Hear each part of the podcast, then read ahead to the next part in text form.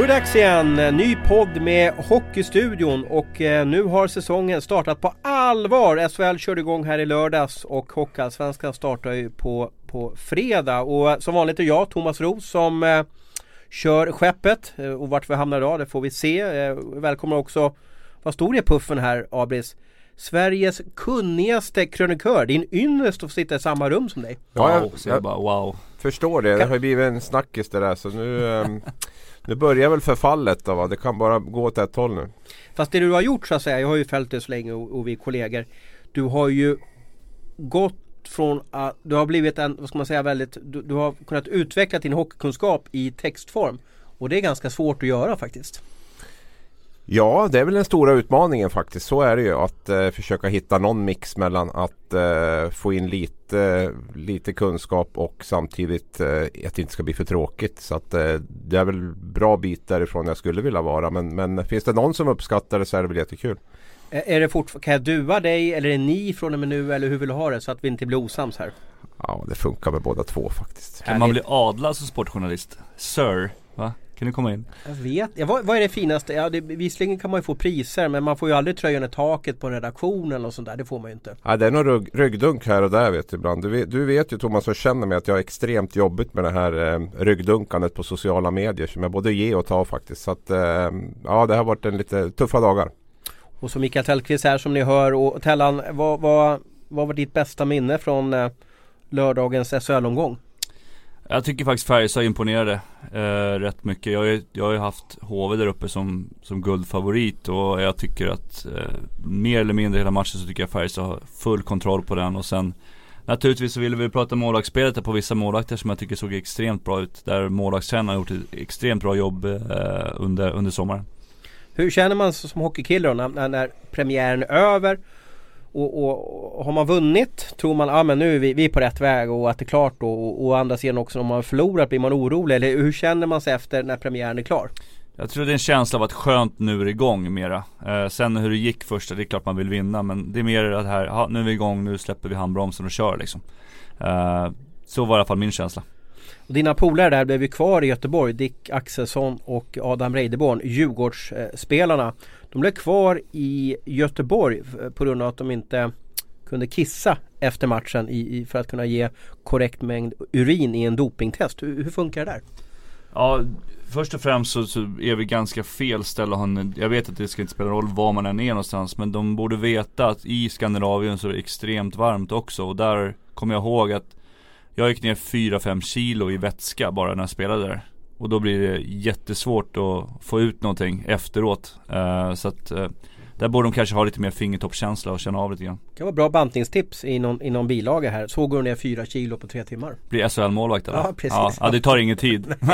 det tar en 20 år innan man kommer dit bara. Men när man väl är där, då är det lugnt. Då kan man gå ner 4 Men hur gör kilo. man när man går ner så mycket, alltså så snabbt då liksom då? Ja men det gäller att fylla på innan eh, med olika vätskor och, och sådana grejer och mitt under matchen också. Jag, jag drack nästan tre, tre liter bara i, i, i flaskan under matchen och sen mellan pauserna så får du ta liksom Resorbaktigt och sådana grejer så att du får i dig salter också för dricker du bara vatten då får du kramp sen också så att det är, Utrustningen väger mycket också så att eh, det, är- det är tufft att spela där Ja.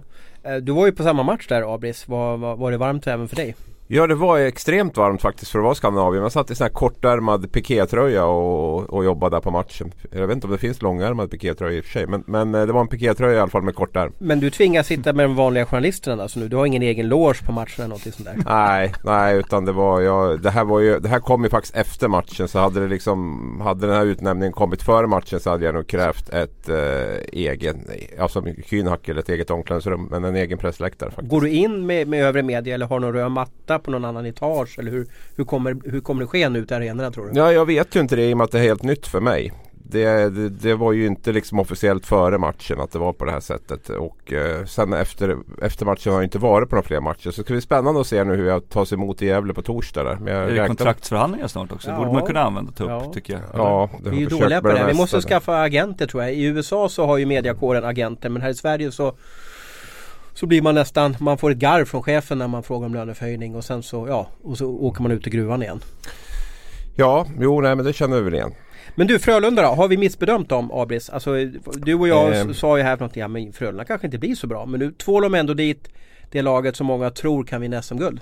Ja, jag har ju tippat Frölunda fyra i serien så att, eh, att de ska vara med där uppe är väl inget, inget överraskande så tycker jag. Att man vinner med uddamålen mot Djurgården hemma är väl ingen sån här dunderskräll heller. Det, det, man kan säga om Frölunda tycker jag är att eh, det är eh, spetsen är sämre än vad vi är van vid men bredden kan man nog säga är bättre än vad den har varit. Så Frölunda kommer nog vara ett ganska hårt jobbande lag som kommer att få kämpa sig till sina segrar. Och jag är lite fundersam på om det kommer att funka över 52 matcher. Att man kanske saknar ändå lite för mycket spets för att kunna avgöra matcher i powerplay eh, in, genom individuell skicklighet och så. Men att det kommer att vara ett lag som kommer att jobba hårt och, och ha ett bra försvarsspel. Det, um, så kommer det vara. Men om det räcker hela vägen det vet jag inte. Vi ska släppa den här matchen men, men jag gjorde en notering. Eh, och det var ju då att Jakob Josefsson fick ju en hög klubba i ansiktet. Jag tror det var Ryan Lash som, som petade upp klubban. Stämmer det Abris? Stämmer bra. Och, och så fick eh, eh, Lash fyra minuter i, på botbänken. Och, och Djurgården fick spela fyra minuter powerplay men gjorde inget mål. Och jag direkt jag kände så att det blir alltid så tycker jag när det är fyra minuter. Att det lag som har powerplay i fyra minuter inte gör mål. Är det bara en, en eh, novis åsikt från, från tv-soffan eller känner ni att ja men det, det ligger någonting i det? Jag, jag, tycker, jag tycker nästan när Mattsson gör den här räddningen på Dick Axelsson när han kommer fri. Det är där med nästan matchen vänder redan tidigt. Då får själv, Frölunda självförtroende också att Mattsson är, han är, han är med idag. Han gör här viktiga räddningar. Och då byggs det upp ett självförtroende i hela laget. De kan lita på målvakten längst bak som har varit ett problem. Som vi har pratat om tidigare också. Uh, och då kan alla liksom slappna av och axlarna åker ner lite grann och börja spela hockey. Men just det där med fyra minuter.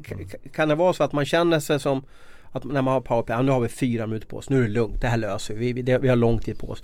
Och så blir det lite segt tempo, man byter powerplay uppställning och så kommer nytt och så kanske tredje PP kommer in som inte har tränat någon PP kanske och så blir det bara fyra minuter utan mål. Ja nej men jag, jag håller med dig till viss del i det där. Det är klart att det blir mål. Alltså det händer ju också att man gör mål i fyra minuters powerplay. Kanske gör dubbla mål till och med i, i fyra minuters powerplay. Men, men eh, lite tendenser åt det hållet som du nämner finns det. Att man tycker att man har ganska gott om tid och man, och man, och man tar, drar ner tempot istället för att dra upp det i powerplay och sådär. Så att det tyckte jag väl var lite fallen med Djurgården. Jag tror jag skrev någonting om att det var ett ganska oinspirerat powerplay de, de levererade. Det var så det kändes också.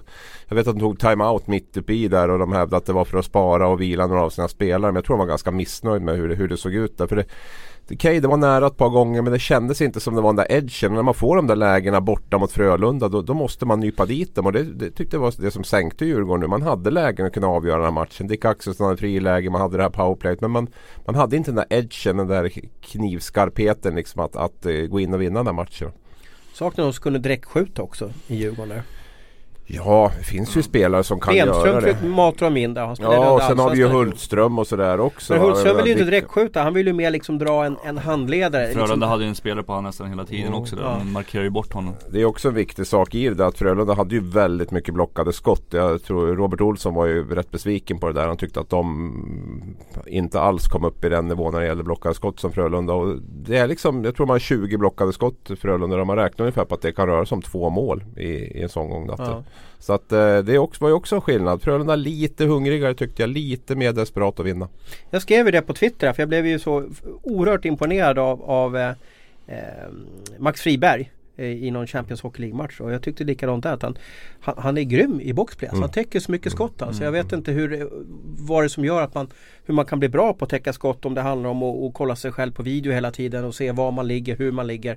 För det gör ju att de inte kan ligga på rätt avstånd från skytten, att skotten inte går fram och så vidare. Men jag tycker han gör det jäkla bra. Mm. Sen måste det vara ett mod också att man vågar ligga så nära med, med högt bröst och sådär. För det öppnar ju lite halsen och hakan och sådär med skotten. Mm. Max Friberg har ju gått från en skyttekung där i JVM till att bli en riktig boxplay specialist borta i AHL. Han hade ju mycket den rollen och liksom tog det, tog det uppdraget med gick verkligen in för att vara en bra boxplay-spelare. Där tror jag ligger mycket nyckeln i det. Vill du, har du modet, har du liksom viljan att verkligen sätta ära i att vara en bra boxplay-spelare så, så är ju förutsättningarna att lyckas mycket bättre också. Linköping, Timrå 4-1. Eh, Mora, Örebro 2-4. Frölunda, Djurgården 2-1. Luleå, Brynäs 3-1. Färjestad, HV 3-1. Skellefteå, Rögle 5-1. Inte ett enda kryss. Och eh, 4 av 5 hemmasegrar. Mm, det kan man säga. Och, eller, ja. eller fem av sex till och med hemmasegrar. Ja det vart nog så ja. istället. Jag satt och räknade i huvudet ja. men det stämmer. Ja nej men det, det, var, det var ju bra för, för hemmapubliken och sådär. Som, om man ska reflektera någonting över resultatet så tycker jag väl Skellefteå visar ju någonstans vad att man är ett lag som kommer att vara med där uppe. Jag tycker de ser rätt tunga ut när de har alla med där. Och, eh, ja, nej, de, de är nog bra. Färjestad som Stellan var inne på imponerar ju också där. Linköping känns ju lite svår. Jag vet inte Timrå, det jag sett från den matchen känns ju som att de fick göra ganska billiga mål. Så jag vet inte Linköping där tycker jag inte vi ska, vi ska vänta ett tag till där innan vi skriver upp dem för mycket. Men du hade helst velat haft sju matcher Abris? Sju matcher och så hade du väl haft att de drog igång direkt på tisdagen också? Ja i alla fall skulle jag vilja haft en match på tisdagen här nu. Det känns lite sådär att jag är ju för eh, att man håller ihop omgångarna någorlunda och sådär. Men jag kan tycka att lördagsmatch och sen är det ända fram till torsdag innan man spelar igen. Jag hade gärna sett att man hade haft en, en match nu på tisdag så man hade byggt en rätt stor happening. Men vad hade du gjort för rubrik då på den tisdagsomgången? Publikfiasko i SHL. Nej men då får man ju se till att det är en attraktiv match som, som, som går på ett ställe där man, där man normalt sett är, har bra publiksiffror. Så att det blir, jag menar Simor, för Simor skulle också kunna ha en huvudmatch på tisdagen. Jag tror att suget efter hockey är ganska stort just den här tiden i alla fall. Och att eh, och att då vänta fem dagar fram till, till eh, sju matcher ska spelas. Det känns ju inte jättemycket 2018 för mig. Jag tycker att det är ganska spännande. Jag håller faktiskt inte med. Jag tycker att det är bra att man börjar på en lördag. Skapar upp ett begär och så får man gå hem och suga lite grann på det. Och så, så bara nu, nu är det dags igen. Så man får liksom den här det härliga liksom, man vill gå tillbaka till matchen. Jag tycker det var många, många arenor som var fulla som sagt var och det tycker jag är jättekul att se. Och Luleås Luleås, eh, vad heter det, ljusshow där uppe också var rätt Diskot, häftigt. ja, ja precis. tycker jag var häftigt. Men du, och anledningen till det här om jag ska vara liksom en typ av mini-Jörgen Lindgren Det är ju att tisdagen är väldigt svår att, att attrahera hockeypublik på. Mm. Uh, och sen är det bara några dagar innan löning. Uh, och jag tror de har sett det. Jag tror de har grym statistik på det senaste i alla fall tio åren när SHL har gått från att vara liksom en, en hockeyorganisation till liksom nästan en, en, en ja, superproffsig hockeyorganisation så, så har de nog järnkoll på hur gör vi när vi säljer biljetter? Hur funkar det? Vad har man fokus på? Och så vidare. Men man kan ju välja ut en match. Man kan ju ta liksom HV Linköping eller någonting sånt här. Så man vet ändå att det är liksom, man behöver ju inte ta Rögle Skellefteå eller något sånt, Utan ta någon match som man ändå vet mm. Locka lite folk och, och, och kör så tycker jag. Men många vill ju spela torsdagar för det är företagskvällar liksom och, och sådana grejer. Så att det, det genererar mycket pengar och det är ju så vi, vi får se på det. Ja, eh, jag, jag, tror att de gör det bra. Eh, sedan så skulle väl jag, jag har faktiskt eh, satt och haft rålkoll på STHL här när, när serien startade. Jag blev så förbannad på mig själv att jag inte ens hade koll på hur många lag de var i serien då. Och jag tänkte, kunde ju STHL kliva fram och köra nu på tisdag som sin hockeyomgång och liksom ligga ensamma lite i bruset. Inte behöva konkurrera med, med varken Hockeyettan Hockeyallsvenskan eller SHL då, då hade de liksom kunnat ta sätt, nu kör de ju samma tider som SHL och det gör ju att det blir ju tyvärr notifierat allting. Så att det vore lite, lite smart tycker jag av SHL men där finns det också ett problem att ja då ska de resa på en De vill ju helst spela helger så att det blir lätt med resorna. Mm. Eh, för ja, de många, har ju inte samma förutsättningar. Nej, det är många som går i skola. Jobba, ja, jobba precis. och såna grejer. Så, det, det så att, eh, men, men eh, i den perfekta världen så vore det lite coolt om SHL körde liksom som, som på tisdagar där och sänka biljettpriserna och, och sådär så att man liksom också fick lite hockeyunderhållning. Men ikväll, måndagskvällen, om, om ni vet jag inte när ni hör det här så har ju Sportbladet gått i bräschen och så sänder vi Kiruna-derbyt IFK mot AIF. Det är första gången de möts på 28 år tror jag det var, eller något sånt där. Eh, så där kan ni i alla fall få ert hockeylystmäte eh, uppmätt ikväll tips, gå in på sportbladet.se så, så får ni där. Eh, en annan snackis den här senaste veckan har ju varit, eh, och det är väl någonting som vi har, som vi har berört på Hockeystudion många gånger tidigare. Eh, slagsmål eller fighting eller roughing. Vill vi ha det i svensk hockey? Och, och, om vi ska bena ut det här så att vi inte blir någon neandertalare så måste vi nog lite förklara eh, hur vi tänker här. Och det är ju då så att i NHL så har man ju lite mer lite annorlunda syn på det där. Det vill säga liksom att man får stå upp för, sina, för sitt tjafs. Alltså är man lite småful på isen så, så har spelare eller så har lagen ja, inte poliser, det är väl fel ord, det kanske är 20 år sedan. Man har tuffingar som, som kanske markerar mer mot de här spelarna som kör lite eh, småfult mot, mot, mot de andra.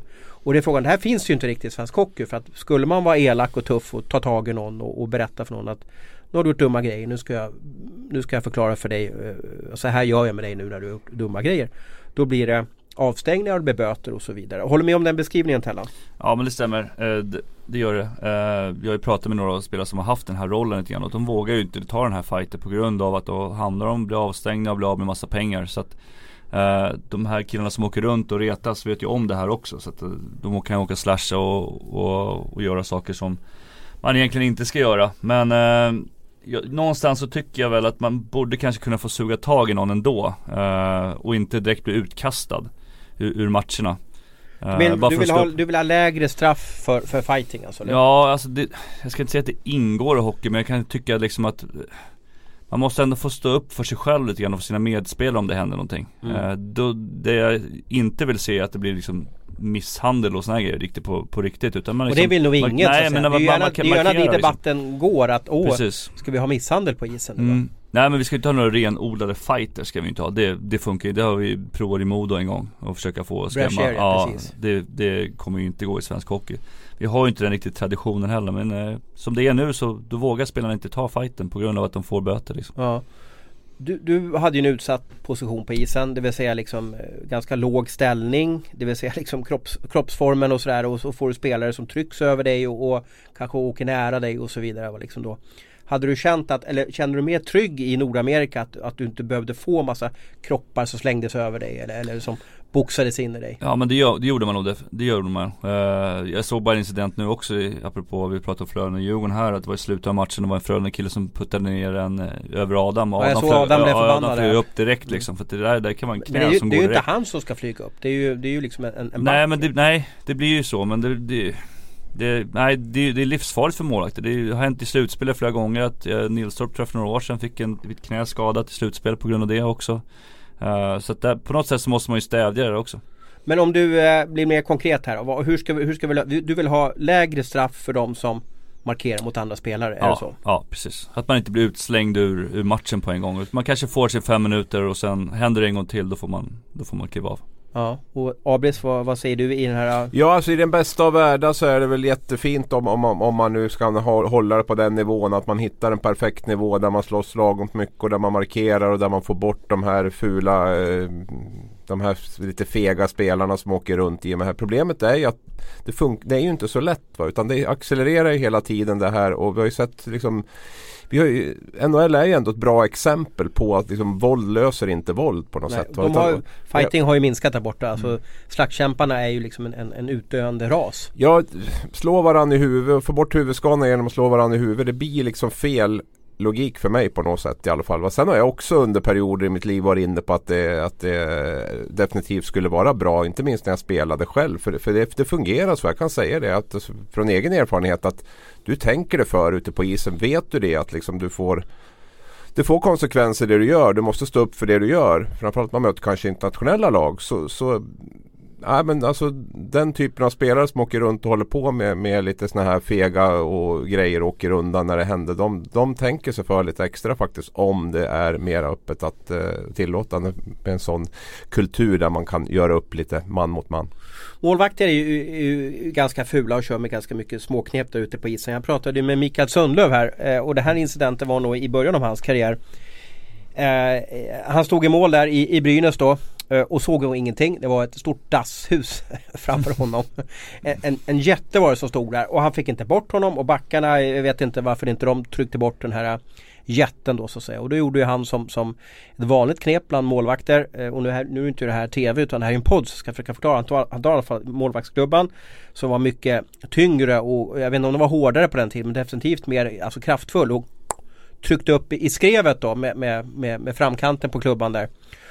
Varav den här killen vänder sig om då och kan ni gissa vem det var som, som vänder sig om då som är en, en av de största eh, rent volymmässigt hockeyspelare vi haft någonsin där ute på isen.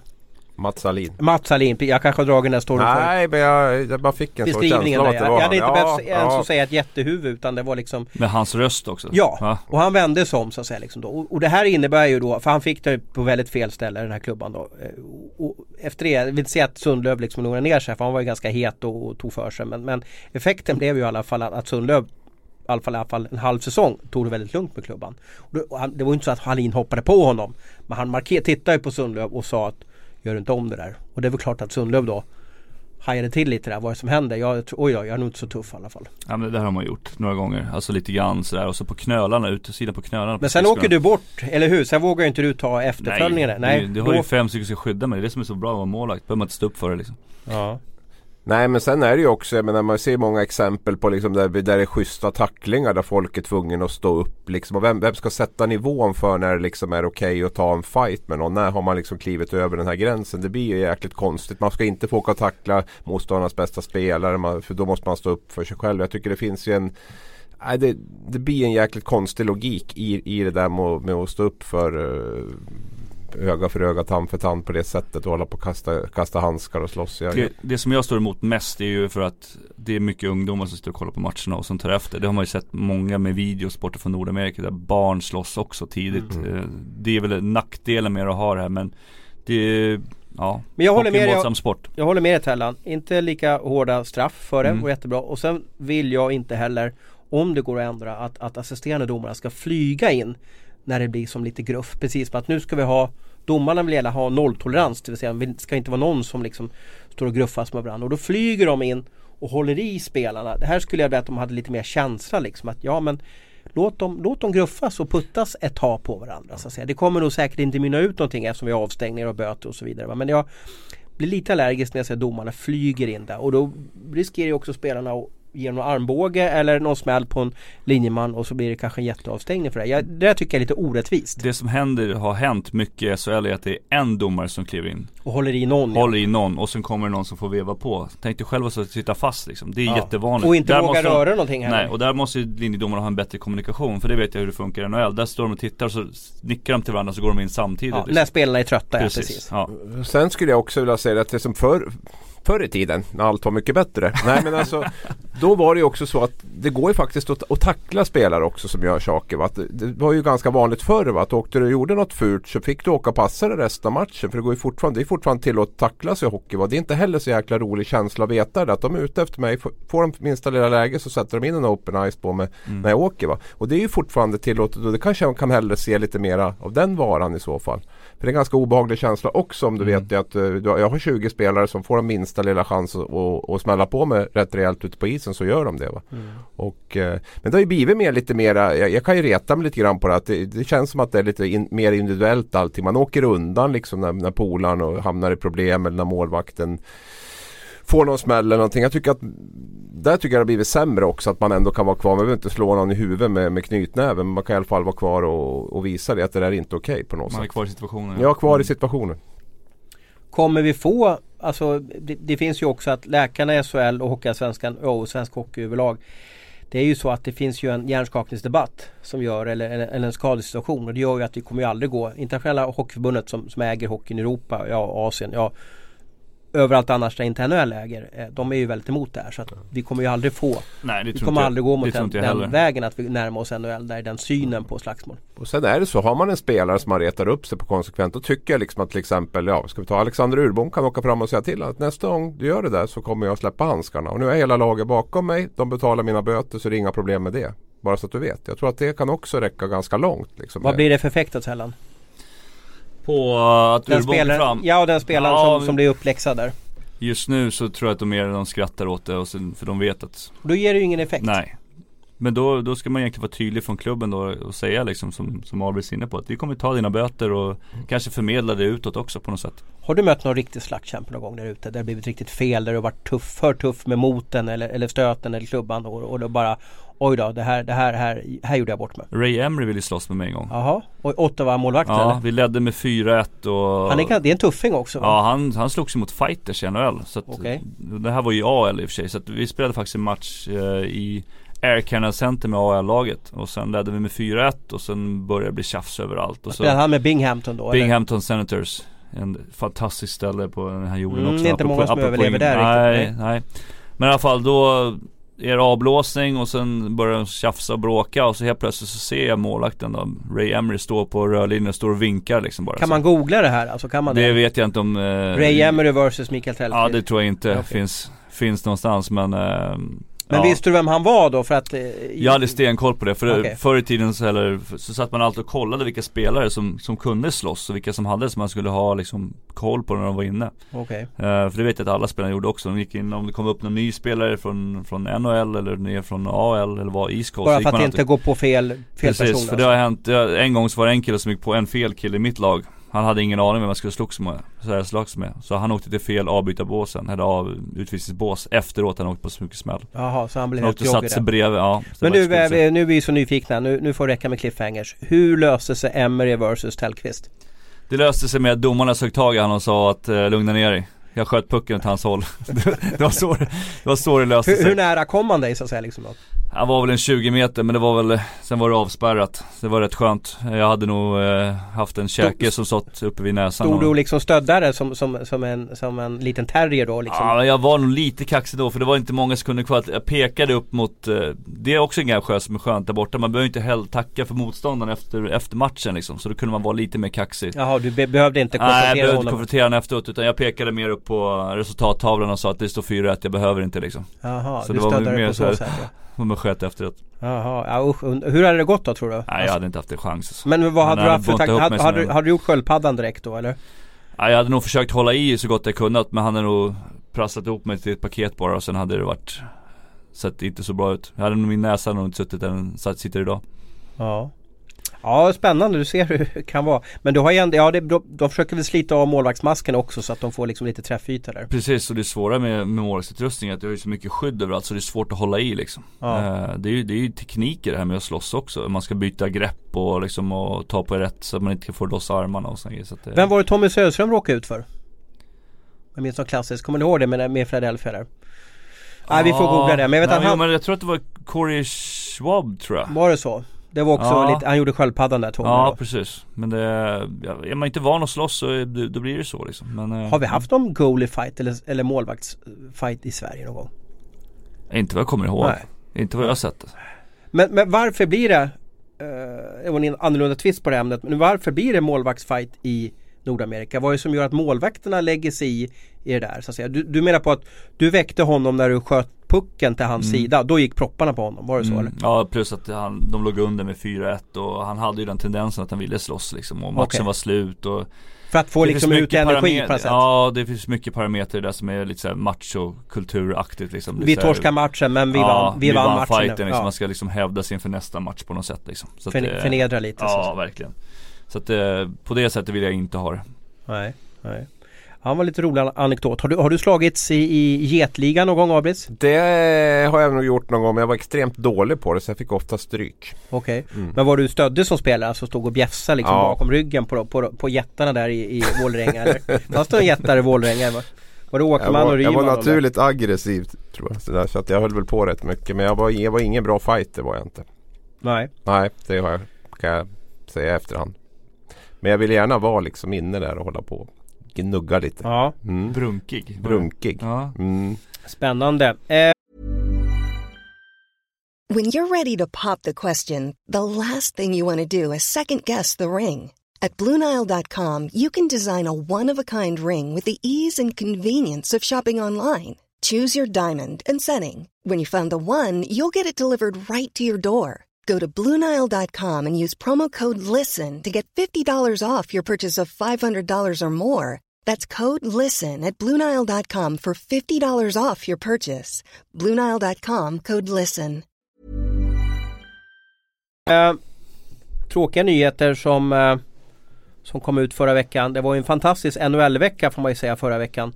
Och som menar fantastiskt att det var många händelser. Det, det, det alltså small ju överallt här med, med med eh, eh, Viktor Rask som skar sönder handen eller vad det var nu i, köket och sen hade vi Erik Karlsson som blev tradad till San Jose. Eh, vi ha, hade Robin Lehner som kom ut och, och berättade om ohälsa som, så vi kan ha ägnat ett helt program om längre fram. Jag tror vi ska försöka få upp Andy Svärd så han ska få berätta lite hur man ska tänka när man är, eh, mår dåligt eller hur man kommer upp på fötterna igen och så vidare. Va? Och sen hade vi ju nummer 40 i Detroit, han hade ju nummer 20 i Timrå när han spelade där. Henrik Zetterberg som, som eh, väljer att lägga klubban på hyllan, eller tvingas att lägga klubban på hyllan. Hans rygg är i slut då.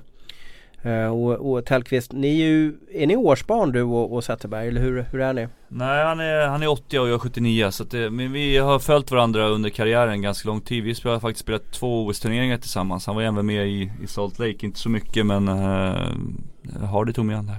Och Ja. även eh, Det var inte Hardys favorit va? Var det inte det? Ja han såg honom tidigt, han var Han gillade ju yngre spelare tack, mig och Zetterberg naturligtvis. Så att, uh, han, han, gav oss chansen. Hur var han i omklädningsrummet? Han var ganska lugn. Uh, han, han, uh, han ledde laget på isen kan man väl säga liksom. Han det är så tråkigt att säga men skön kille, typisk, typisk hockeyspelare. Så här, du går runt, snackar lite grann, skrattar och får alla må bra. Uh, på så vis har han bra ledarskap. Ja, vad gjorde han så, så duktig på isen tyckte du? Ja, han, är ju, han är ju smart och det här är ju också en sån här grej som vi, när vi pratade om förra programmet om det här med late bloomers. Han är ju verkligen en late bloomer. Jag tror att han är draftad, var det sjunde rundan eller någonting? Sjunde runda. Sjunde runda på han ja. ja. Jari Tolsa, Detroit tog Jari Tolsa före Henrik Zetterberg. Mm, du ser och det är som det här också att vissa, kan man se att man har tidigt en spelförståelse eller det här drivet när man, när man tränar och sådär men kanske inte är bäst men man har ett driv som de här kanske som inte andra har. Då, då vet man att man har en spelare som kan gå långt. Och visst var det så att, att eh, var inte du på tock-VM Abris när, när eh, Gunnar Svensson, Zetterbergs agent, drog storyn hur, hur han fick Zetterberg en gång i tiden?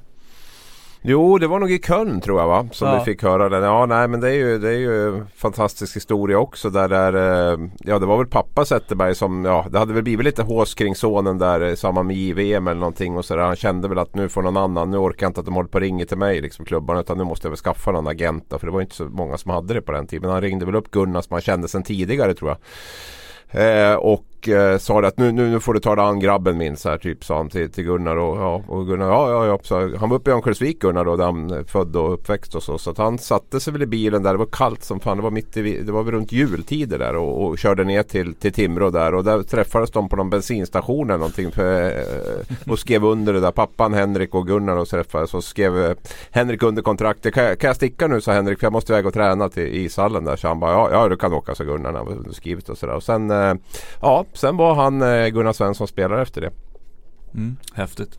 Och, och vilket val, vad, vad värt det var att åka ut den här bensinplatsen för, för, för både Gunnar och ja, även för Henrik som, som har haft bra ledning och styrsel under karriären då. Ja. Ja nej det är, ju, det är ju Vi är ju lite svaga för de här killarna som kommer upp sent. Jag hörde att de var Mm. väldigt mycket för godis och glass också Henrik Zetterberg. Något du kan bekräfta Tellan? Oh, nej det kommer jag inte ihåg men det, det är jag också så att det är möjligt att vi åt mycket tillsammans. Ja. Jag vet att han var väldigt liten. Alltså, ja, tunn folk alltså, såg så, han. ja. Jo men alltså även under karriären. Så det känns som att det är en Jag vet inte. Det känns som att han har haft jävligt roligt på sidan om också. Det har inte varit så där superhåsat från början. Och, ja, man blir lite sådär romantisk när man hör hans. det är som- Det har kommit upp sent och det har inte varit så allvarligt runt. Och han har lekt sig fram lite grann och haft ett jävla spelsinne. Och naturligtvis en träningsvilja också. Men just det här spelsinnet är ju för mig liksom. När man sitter och kollar på Henrik Sedin och Henrik Zetterberg. Även Niklas Bäckström. Det är ju Ja, det är helt fantastiskt att titta- på de här tre. När de, för de är ju steget före hela Fop- tiden. Foppa var ju så också. Foppa Mm. också men han var ju mera en, en kraftmaskin också. Men han hade ju också spelet i sig. Men jag tycker att han skiljer sig lite från de här tre på det sättet.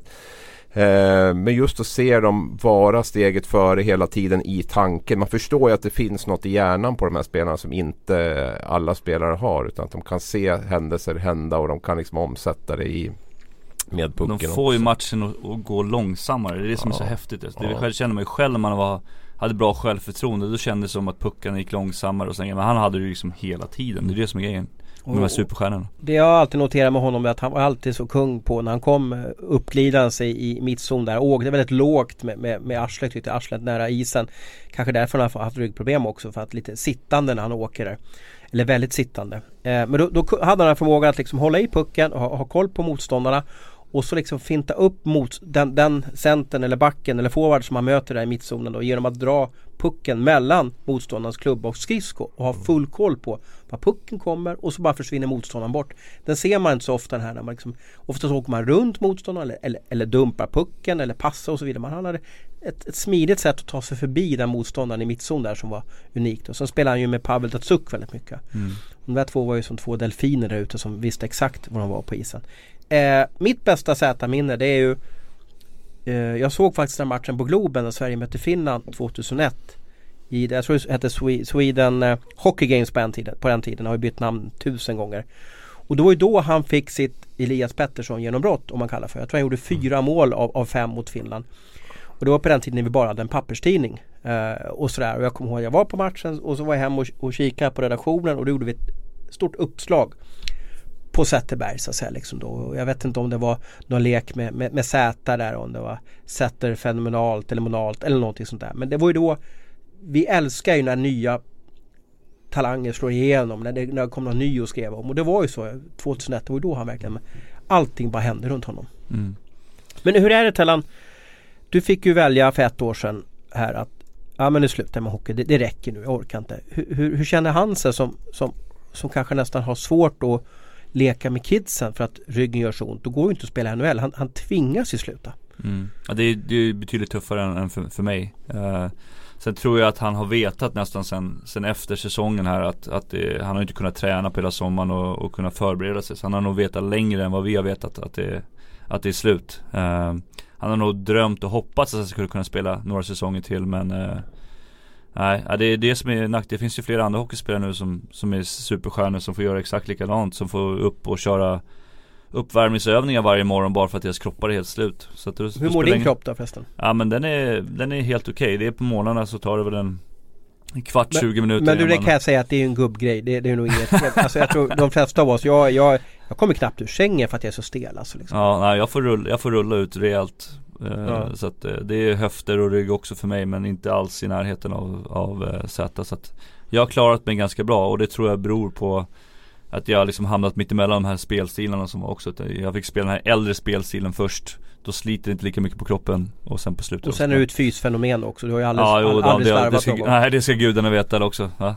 Men Abris, hur, hur, högt rankar du honom bland alla våra eh, svenska hockeyspelare genom tiderna med, med Sundin, Forsberg, Lidström, Salming, Salo, ja du vet Tellqvist Ja nej men för mig är han, för mig är han stor. Alltså, det är precis den typen av spelare som jag älskar att titta på som just det, med just det här spelsinnet. Jag skulle nog placera in honom på en, på en topp 10-lista definitivt. hur ser den ut då? Kan du, kan du ta den lite så Oj, nej, sånt där älskar jag. Nej, men den kan du sa du oj förresten. Den kan jag snå, ja men den snår jag ihop till nästa vecka istället. Det blir alldeles för, för svårt för att, för att sitta och, och höfta den nu. Det, det, är inte respekt mot, mot de spelarna det gäller. Så det kan jag ta nästa vecka. Det går jättebra. Men, så efter Tellqvist som nummer ett så var ja, det då? Ja precis.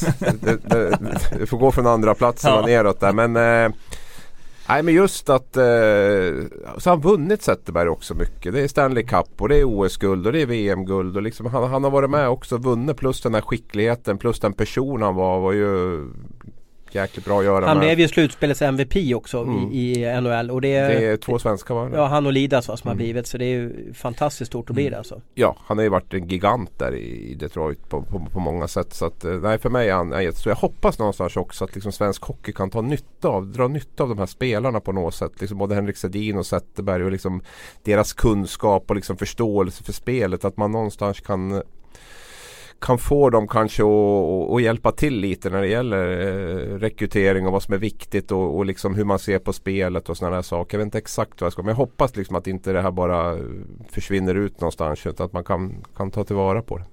Han var ju, eh, eh, du spelade ju mycket i landslaget med, med, med Zäta och Eh, nu har ju du slutat och, och eh, Sedinen har slutat och, och, han var faktiskt den sista från 2006-laget. Det enda gången som svensk hockey någonsin har vunnit en stor turnering där alla de bästa har varit med. Det var ju bara mm. OS 2006. De andra eh, Alltså framgångarna i VM eller OS 94 det, det, har ju inte varit, De bästa har ju inte varit med så det är bara mm. att vara ärlig att du, egentligen då enda gången vi har varit bäst. Mm. Eh, hur, hur, känns det att alla, nu är den liksom hela, de där, alla ikonen, alla, alla är liksom, alla sitter på läktaren nu. Ja, det är, från Detroit så är det bara Niklas Kronwall som, som är kvar också tror jag, som spelar. Och Henke Lundqvist. Jag vet inte hur många mer som spelar från den, från den generationen heller. Jag kan gå in och kolla här sen men Nej, det är, men det är, blir livets gång. Det kommer ju nya unga spelare som, som ska ta över det här och Z är ju, jag är lite inne på samma som Abels också. Just den här ödmjukheten liksom, att man kan vara en superstjärna men ändå ha den här ödmjukheten och, och lägga ner jobbet. Det, det, det är häftigt alltså. Det, mm. det är någonting att leva upp till och det finns ju många stories om, om Z också. Jag vet inte om jag har dragit den med Brett Hull eller?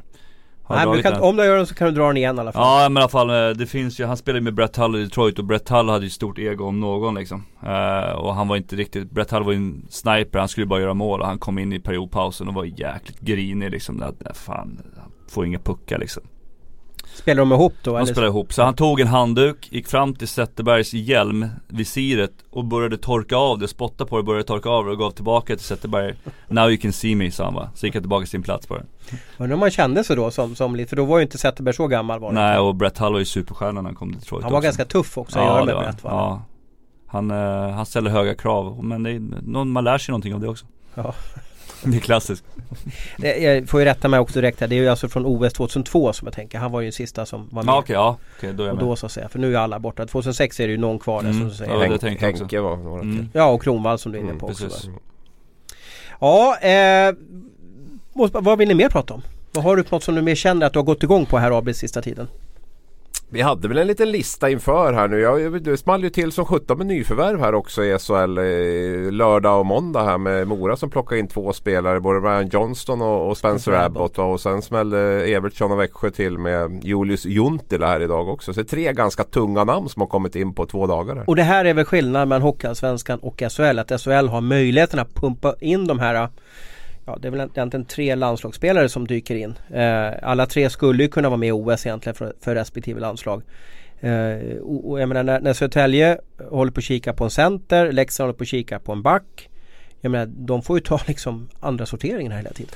Jo, men så, ja, så är det ju. Men så är det ju med hela truppbygget. Det har väl varit så även under våren och sommaren att SHL-lagen väljer från en helt annan hylla än det Hockeyallsvenskan gör. Så det är väl inget nytt i det här så. Nu, nu ville man väl Jo, komplettera men de har ju upp så truppen. mycket mer pengar Ja, ja, ja, men absolut. Men det har vi skrivit hur mycket som helst om och så är det ju. Det är klart att det är jätteskillnad på att ha en spelarbudget på 45 miljoner kontra att ha en på 8 miljoner. Så att det, det, det är helt olika hyllor de väljer ifrån och eh, det, det, är det, det är det man kanske befarar och, och tror att till slut blir liksom skillnaden för stor. Att kvalitetsskillnaden ändå slår ut till och med det här liksom nerven och eh, lagandan och allt som kan finnas i ett kvalspel. Då. Men, men eh, vi får väl se om vi är där. Jag är inte, jag är inte helt säker på att vi är där 2018-2019 säsongen i alla fall. Att Nej. det är stängt. Hur känner man i laget då när man har liksom varit på teambuilding och, och eh, jagat huggorm eller grillat korv ute i naturen och så har man byggt ihop det här gänget och sen så dyker in det som i Mora två nya spelare på kort tid. Hur, vad, vad händer med gruppdynamiken då? Mm. Jag, jag tror det blir värre med gruppdynamiken blir ju för de som är precis på gränsen att spela. Det är de känner nog sig lite mer bes- eh, svikna och sådana grejer. Eh, samtidigt så är det ju så här det är i branschen. Jag menar presterar du inte så, så kommer du hamna utanför laget och tar man in någonting annat. Så att det, jag, jag hoppas ju med, med Forsberg vi ganska bra att kommunicera sådana här grejer. Vad jag har förstått tidigare. Så att jag hoppas att han har kommunicerat i gruppen att det är spelare på väg in. Så att det inte blir en chock liksom, att de bara dyker upp. Men eh, Mora behöver ju förstärka. Jag skulle nog säga att de kanske behöver förstärka lite längre bak också. Ja precis, alltså, jag tror nog att spelarna är ganska tacksam. 95% av spelarna är i alla fall väldigt glada att det kommer in nya spelare. För de behöver ju, behöver ju nya spelare, behöver ju få in spets. Jag menar backsidan som Mora ställde upp med i premiären var ju inte rolig att, att, att se liksom. Alltså att det, jag tror att de flesta spelare är ganska tacksamma att, att de får in två sådana här spelare för, som, som är ändå topp top två femmor spelare. Men nu, nu vet inte jag exakt vilken position Julius ska gå in på i Växjö. Men vi säger att man är liksom typ Nils Karnbäck eller någonting sånt där liksom. Så man vet om att här kommer in en kille som kanske pet, antingen petar ner mig i hierarkin eller spelar bort mig från laget. Tar man honom i hand då liksom om man, är, liksom, man vet om att den här killen tar mitt jobb. Men det är ju samtidigt Säger man välkommen eller är man Det här kan vara ett tjurig? test också Evertsson, se vilka som har den här karaktären också att man, Men vilken man, karaktär vill man ha då? Att man blir Ja, förbannad och ja, inte hälsar? Ja, ja. Nej men du ska ju hälsa, det måste man ju alltid göra. Men se att man jobbar extra hårdare, liksom att man kan ta lite motgångar. För motgångar kommer i, i en hockeykarriär. Alltså det är mer motgångar än, än framgång. Så det gäller ju liksom att ändra på tankesättet, inköra extra hårt i gymmet och sen visa då att jag ska spela framför den här killen som kommer in ändå. Mm. Ja vi får se hur eh, effekten blir. Jag pratade lite med Moras Peter Hermodsson om det här och det är som, som du säger Abis, de har tre backskador. Därför tar de in Johnston som gjorde succé i Lugano i våras. Eh, och sen tar de in Abbott som de visst haft koll på hela säsongen då. Jag vet inte varför Abbott inte fick något jobb borta i, i Nordamerika då. Eller va, han kanske inte Man kan ju bli inbjuden på tryout där borta i Nordamerika. Jag vet inte om han har fått en sån inbjudan. Men kanske känt att det inte blir rätt då. Men, men nu dyker han ju upp i, i eh, i Mora där och hur bra, hur mycket bättre blir, blir Mora av det här om jag frågar Sveriges kunnigaste krönikör? Mora blir bättre av det här. Det är ändå två spetsspelare som, som kommer in. Jag tycker båda är spelskickliga, kan göra poäng och eh, kommer ju att bidra i Moras offensiva spel. Och det är väl där jag tycker att de, att de behöver hjälp eller där de behöver förstärka. Det är just den, den få lite mera spets på, på, på truppen. Så det, det, på det så sätt så är det ju två bra, bra värvningar. Sen får vi väl se över, över tid då vad, vad en sån som Spencer Abbott kan, kan bidra med. Det har väl varit lite fram och tillbaka med honom där. Och det är väl kanske inte den spelare som som jobbar allra hårdast på sidan om om jag har förstått det rätt och sådär. Utan, eh, men, men en skicklig spelare så att eh, och Mora i den position de är nu så tycker jag att det är eh, ja, två rätt så vettiga värvningar. Han har ju tillhört Chicagos organisation också så det kan ju vara att eh, Jeremy Colleton som är coach för AHL-laget där i Chicago där att han också på något sätt gett dem en sista Sä intryck. Säkert och sen hörde jag väl Frölunda var ju intresserad av, av, av Abbott uh, att han skulle komma tillbaka dit. Men det, det jag förstod var väl att han var inte så supersugen på de där uh, Långa dagarna. 8 till 3 dagarna som vi pratade om tidigare. Utan tyckte väl att han hade gjort det där en, en gång redan och jag undrar om inte jag undrar om inte det var lite lika att Djurgården var där och högg också för något under Robbans tid. Men att det mm. var lite då att han eh, kände att han hade, hade gjort den där grejen. Så att eh, ja. Han eh, spelade i San Diego Gulls i fjol, 20 poäng på 17 matcher. Bra facit. Sen åkte han ner till Klåten eh, och körde 10 matcher. Eh, eller 13 matcher och gjorde 10 poäng. Så att eh, han, eh, han kan ju producera. Ja det är ju en spelare som ligger strax under en poäng i snitt. Liksom var han än har varit sådär i AL eller Schweiz eller i Sverige eller var det än är. Då. Så att eh, hade ju ett betydligt tuffare slutspel kommer jag ihåg med Frölunda när de vann guldet. Han gjorde vi inte många poäng tror jag då när de, mm. när de vann guldet. En poäng på nio matcher. Ja nej, det vart väl lite men hade ju en väldigt bra start där i, i Frölunda. Och, och jag gillar någonstans också att de tar tag i problemet direkt och inte väntar för länge så att de hamnar efter. Utan de får spela in de här killarna som tar in. Så det, nej, det gillar jag också av, av Mora att de plockar in så att man inte sitter där så lite grann som Ursäkta Thomas, men Leksand gjorde förra året, de hyr in lite tyskar i, i, i januari, Kvart februari. Tolv, ja precis, precis. Det, det, då känns det mer desperat. Här känns det som att det finns en tanke med de här spelarna de tar in i alla fall, att de vill bygga runt dem. Ja, och Mora är ju kanske inte det attraktivaste laget att komma till heller. Och tittar man ur det perspektivet så, så är ju Johnston och Abbott är ju två bra värvningar. Det som mm. du var inne på, han gjorde det jättebra i Lugano när han kom dit, hamnade helt snett i, i, i Luleå. Han petade ut Linus Klasen där från Ja, som utlänningsplatsen där och, och hamnade ju snett i Luleå av någon anledning som jag, jag tycker att det jag såg av honom så ser man att det finns ju, finns ju mycket spel i honom. Och, nej, och, och Spencer som vi var inne på väldigt skicklig både spela fram och göra mål. Så att det, det, det, det är bra jobbat av Mora att få in de två. Vad grymt. Vi har närmat oss 50 minuter här och vi har ju fått order att vi ska hålla oss runt 50 minuter för det ska räcka och, och, ungefär så ni fattar hur vi tänker att man ska springa en mil och så ska man lyssna på vår podd och så ska den ta slut ungefär samtidigt som man går i mål där. Eh, bland annat så brukar P.O. Larsson då, vår eminente kollega, eh, köra runt sjön där i Trångsund och lyssna på oss. Så att nu har vi väl ungefär närmat oss eh, slutmeten på milen och så tackar vi för att ni har varit med oss på den här löprundan.